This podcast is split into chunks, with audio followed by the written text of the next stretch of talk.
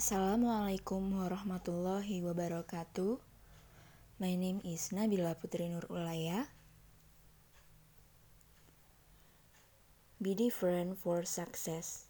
Seven soft skill for success in real life. Soft skill is a combination of personality behavior and social attitude. It's very important because many successful people have the soft skill they need. Number one, leadership skill. The nature of leadership is needed to supervise, provide direction. Number two, teamwork. In teamwork may be a little less important, but this is very necessary if you want people to understand how you understand a project. Number three, communication skills. This skill really needs to be done even for everyone because communication is a very basic change, so that it can be understood by someone.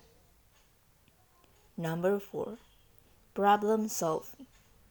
This skill is a basic human need.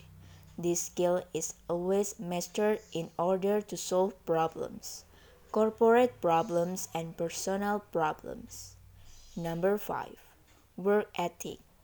In the world of work, work ethic takes precedence because this is a work standard for companies.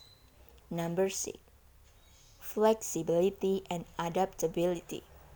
This point is a further point as we know that we as workers must be able to adapt and flex ourselves in work matters. Number 7. Interpersonal skills. This is a soft skill that must be mastered because to build a team, we must be able to interpersonalize ourselves with others.